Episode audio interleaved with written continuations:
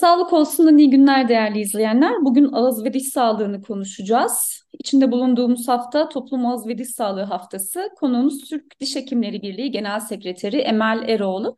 Hoş geldiniz. Hoş bulduk. Şöyle Emel Hocam, e, sanırım toplumun tedaviyi sürdürmekte, devam ettirmekte en zorlandığı sağlık e, alanlarından bir tanesi ağız ve diş sağlığı. Daha doğru ifade edecek olursak, e, eksik tedavi çok yaygın. Kabaca neredeyse birçok yurttaş ağzında eksik dişle dolaşıyor. Bir bunun sebebini merak ediyoruz. Dilerseniz bir bununla başlayalım. Tabii başlayalım. E, temel e, sorunlardan biri o evet. E, Türkiye'de toplumun aziz sağlığı göstergeleri ne yazık ki çok kötü durumda ve e, hizmete ulaşımda kısmi olarak kolaylıklar olsa bile düzelme ne yazık ki göremiyoruz. Aslında tedavilerin yarım kalmasından ziyade hizmete hiç ulaşamama gibi bir durum da söz konusu. E, ağız diş sağlığı hizmetleri Türkiye'de tarihsel süreç içerisinde özellikle Cumhuriyet sonrasında elbette e, genelde özel hizmet sunumu şeklinde örgütlendi.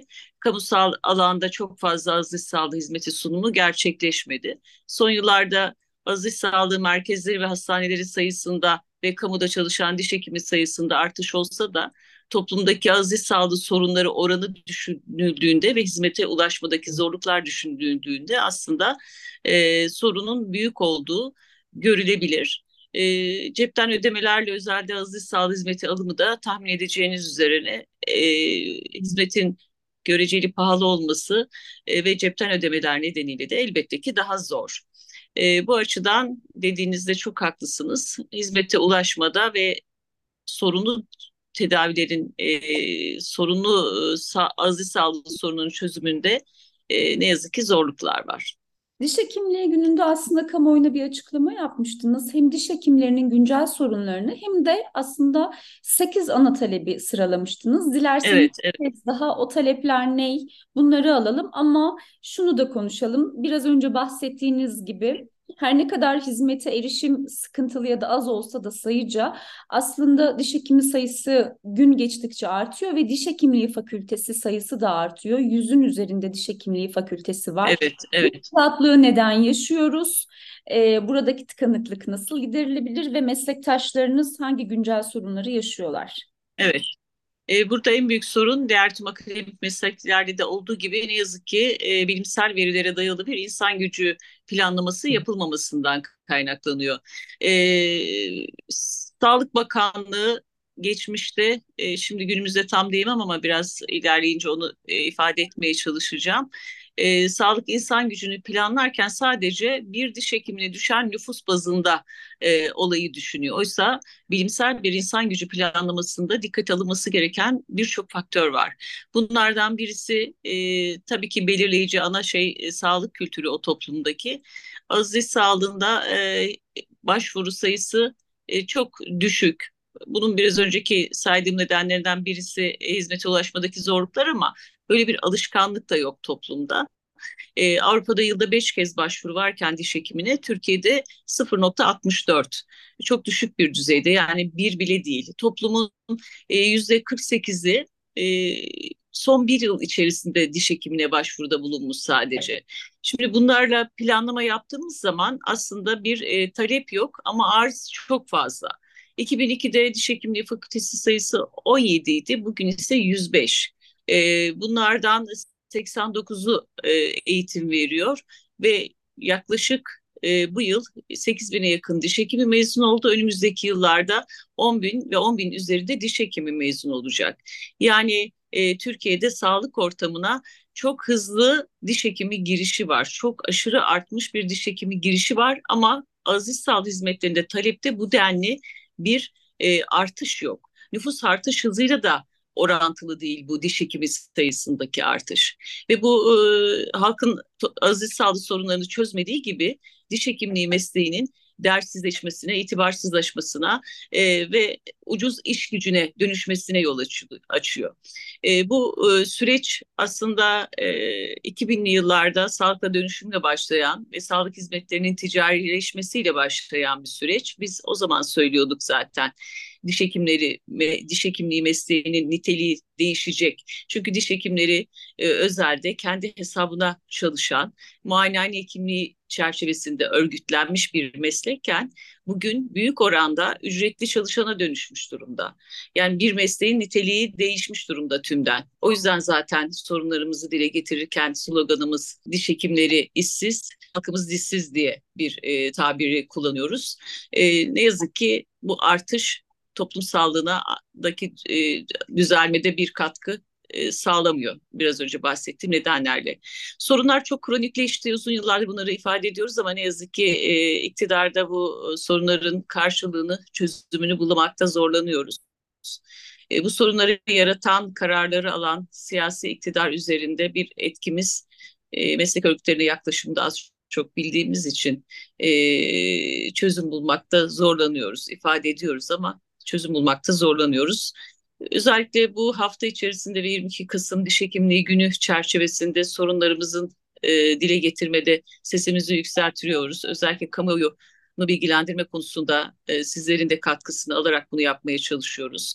E, sorunlarımız evet bu şekilde özellikle diş hekimliği fakültelerinin ve kontenjanlarının ve dolayısıyla diş hekim sayısının artmasıyla yakından ilişkili.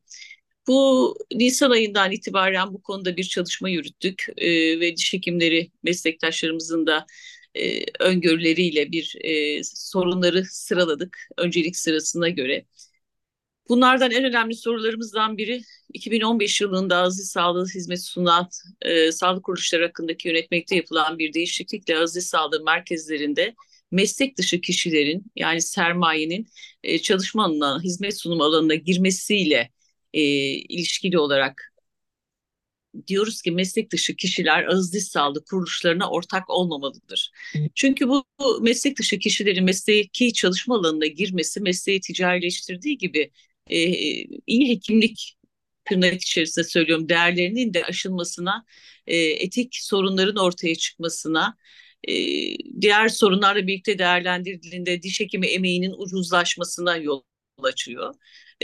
O yüzden bunu çok tehlikeli bir gelişme olarak o zaman zaten öngörmüştük e, ve o zaman da sesimizi yükseltmiştik. Ama ne yazık ki yönetmelikte bir değişikliğe yol aç, açamadı çabalarımız. E, aynı zamanda bu yönetmelikteki e, önceki düzenleme derde e, meslek örgütleri e, sağlık kuruluşlarının açılışında denetlenmesinde aktif olarak görev alırken e, 2015 tane itibaren e, yönetmelikte ve geçen yıl çıkan yönetmelikte e, meslek örgütümüzün adına hiçbir yerde rastlamak mümkün olmuyor.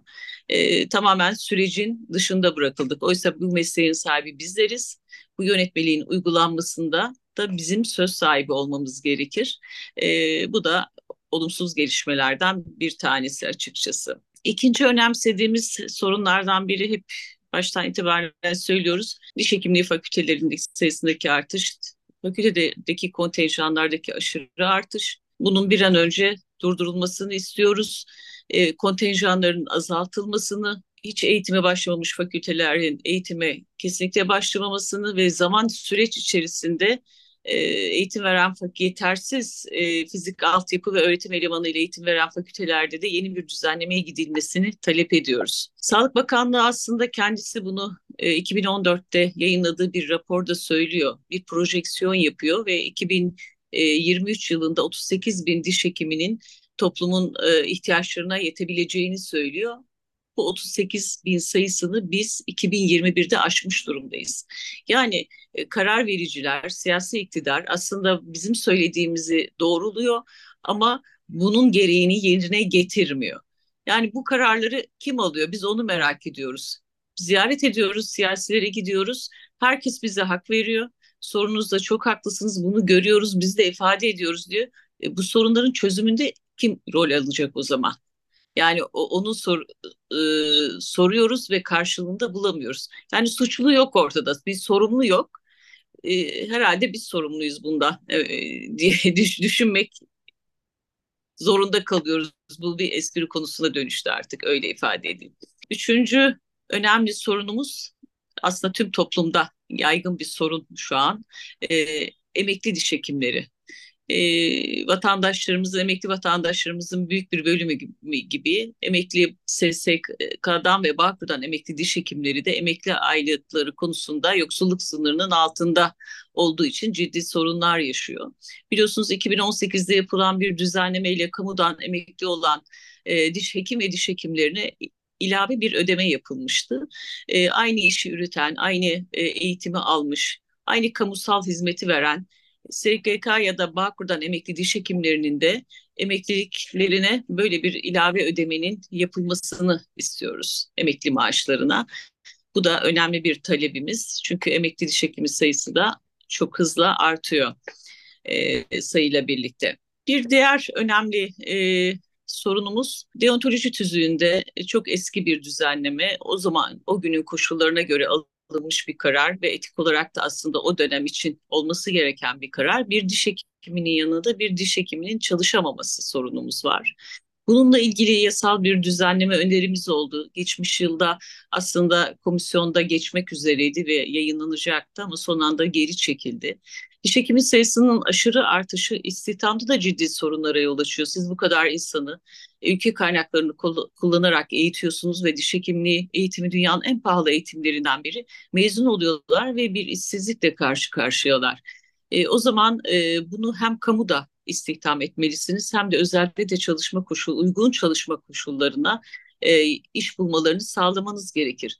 Bir diş hekiminin yanında diş hekimi çalışması bu istihdamın sağlanması açısından da çok verimli olacak. Bir de muayenehaneler e, bildiğiniz gibi uzun yıllar emek verilen ve bir e, çalışmanın ürünü olan e, bu, hizmet verilen kurumlar bir diş hekiminin bu bilgiyi, denetimini, e, deneyimini e, her anlamda bir meslektaşına arttırabilmesi de, aktarabilmesi de çok önemli ve değerli. Ama bunun önünde bir yasal engel var. Oysa diş hekimleri poliklinikte ücretli çalışabiliyor. Aziz sağlığı merkezlerinde ücretli çalışabiliyor. Ama e, poliklinikler de ortak muayenehane olarak Danıştay kararlarında tanımlanır. Ama bir muayenehanede bir diş hekiminin yanında diş hekimi çalışamıyor. Bu konuda bir düzenleme yapılmasını e, talep ediyoruz ve istihdam sorununda da önemli bir çözüm kaynağı olacağını düşünüyoruz bu öyle bir e, düzenlemenin. Diğer bir talebimiz kamuda istihdam işte e, sayı arttığı için istihdam önemli bir sorun ve önümüzdeki yıllarda bu sorun e, çok daha fazla derinleşecek. İnanın e, işsiz diş hekimi sayısı e, çok daha fazla artacak artmakla birlikte aslında ücretlerde, özlük haklarında da ciddi sorunlar oluyor. Çünkü bu kadar artış aslında sermayenin işine gelen bir sonucu doğuruyor. Ucuz iş gücünü doğuruyor. Ee, bunun için istihdam alanlarını arttırma yolunda da çalışmalarımız var bizim. En önemli alanlardan biri de tabii ki hem toplum sağlığı açısından da hizmete ulaşım açısından da çok değerli. Kamuda istihdamın arttırılması. Son yıllarda evet aziz sağlığı merkezi sayısında artış var bu alana e, devlet tarafından yapılan yatırım var. E, önceki yıllara kıyasla kamuya daha fazla diş hekimi atanıyor ama bu sayı yılda 1000, 1200'e geçmiyor. Mezun olan diş hekimi sayısını düşündüğünüzde onda birinde kalıyor. Kalacak ya da önümüzdeki yıllarda. Bu sayı mutlaka artırmalı. E, genç diş hekim meslektaşlarımız e, bu konuda seslerini duyurmaya çalışıyor. Tüm sosyal medyada 10 bin diş hekimi ataması diyor. E, çok haklılar. Biz de e, aynı şeyi söylüyoruz. Bu konuda da evet önemli bir talebimiz var. Kamuda istihdam konusunda bir alan olabilecek konu aile diş hekimliği konusu. Son yıllarda sık sık gündeme geliyor ama yine somut bir e, çalışmayı biz göremiyoruz. Sadece konuşmalarda geçiyor. Bu kapsamda zaman içerisinde kamuya 10 bin diş hekimi alınacağı söyleniyor. Evet bunu önemsiyoruz. Aile diş hekimliğini de önemsiyoruz. Çünkü koruyucu diş hekimliği tüm sağlık hizmetlerinde olduğu gibi az diş sağlık hizmetlerinde de çok çok önemli. Ee, siz çocuklarınızı hem genel sağlıklarını hem az diş sağlıklarını korumazsanız ileride çok daha büyük maliyetler e, ortaya çıkaracak olan daha büyük e, sorunlar e, az diş sağlığı sorunlarına yol açıyorsunuz. O nedenle koruyucu tedaviler hem maliyet açısından e, hem de hiç hastalanmadan bireylerin sağlığını korumak açısından çok önemli. Aile diş hekimliği gerçekleşirse ve diş çalışacak diş hekimlerinin de özlük açısı, e, hakları açısından yeterli koşullara sahip olursa, evet bizim de bir meslek örgütü olarak e, genç bir meslek örgütü ol, olsak da e, bu tür ulusal aziz sağlık politikalarına katkıda bulunacak birikimimiz ve deneyimimiz var ve bunu Sağlık Bakanlığı'na da her fırsatta dile getiriyoruz. Tekrarlamış olalım bunu da. Aile diş hekimliğine dair şöyle bir soru. E, bir diğer Emel Hocam. Çok pardon bölmüş oldum. Evet. Ee, Bakan Koca tabii yok, çok yok, rica ederim. bir e, açıklama yaptı aile diş e, evet. sistemine dair. Için. 10 bin nüfusa bir aile diş hekiminin düşeceği söyleniyor. Bir bu doğru mu? Böyle mi çalışacaklar? Bunu yeterli buluyor musunuz? Biliyorsunuz aile hekimliği sistemine benzer bir uygulama olacağı söyleniyor. İkincisi her ne kadar özlük haklarının e, iyi olacağı ya da meslektaşlarınızın kamuda çalışması açısından iyi ve yararlı olacaksa da atanmaları açısından ancak sözleşmeli bir e, sistemi öngörüyor yine bakanlık. Bunu evet. buna dair ne söylüyorsunuz? Çünkü biliyorsunuz güncelde aile hekimlerinin yaşadığı sorunlar evet, evet. sorun mevcut. Nasıl değerlendiriyorsunuz bunu? biraz önce çok yüzeyel ifade ettim ama biraz daha detaya inersek aile diş hekimliği konusunda geçen ay başlayan bir pilot çalışma vardı. E, üç ilde e, çok sınırlı bir şekilde çalışma başladı ve aslında düşünülen e, sayıda bir başvuru olmadı. E, o nedenle değerlendirme raporunda baktığımızda aslında çok fazla veri yok. Ne öngördüklerini tam olarak bilemiyoruz ama bir diş hekimine 10 bin e, kişinin hangi yaş grubu, hangi tedavi içerikleri, bu hizmeti sununacağı mekanlar, onun altyapısı, bunu sürdürecek, bu kayıt alacak bilişim sistemi, buna ilişkin çok fazla bir şey yok. Yani 10 bin çok fazla bir sayı. E, biz e, sağlık hizmetlerinde e, nüfus bazlı değil aslında coğrafi bazlı bir hizmet sunumunu e, öngörmek zorundayız. Hizmete ulaşımda bu çok önemli. Genelde şu an e, tüm e, sağlık kurumları merkezde yerleşmiş durumda ama aslında periferde de e, olması gerekiyor. Yani nüfusu bağladığınız zaman e, o hizmete ulaşamayan insana yine ulaşamaz oluyor. E, bir de randevu geçerli olacağı söyleniyor. Yani randevu almakta zorlanılıyor zaten. E, öncelikli olsa bile e, bu randevu sistemini nasıl işleyeceği bir sıkıntı. Aslında bir yıl içerisinde o çocuklara en az e, kriterleri var bunun. Bu yeni bir konu değil. Yani Avrupa'da bu İkinci Dünya Savaşı sonrasında koruyucu aziz sağlık hizmetine ilişkin örnek alabileceğimiz çok fazla model var ve onlar sonuçları almışlar. Şu an Danimarka'da diş hekimliği fakültesi kapatıyorlar. Çünkü hiç e, aziz sağlığı sorununu koruyucu tedavilerle çözmüşler. Yetişkin bireysel, bireyler artık e, büyük bir sorun yaşamıyor koruyucu tedaviler uyguladığınızda. Bizde şu an o kadar fazla sorun var ki yani bir diş hekiminin e, o çocukların tümüne e, yılda bir kez bile başvursa bizim öngördüğümüz koruyucu tedavileri e, yapması zaman olarak mümkün değil aslında. Yani bu tür e, e, hesapların e, oturup çok ayrıntılı düşünülmesi e, gerekir. Bu konuda bizim yaptığımız çalışmalar da var geçmiş yıllarda. Onları da sunmaya hazırız elbette. Öte yandan tabii ki burada hizmetin nasıl verildiği, hangi koşullarda verildiği önemli ama bu hizmet verecek diş hekimlerinin de e, nasıl çalışacağı, çalışacağı da çok önemli.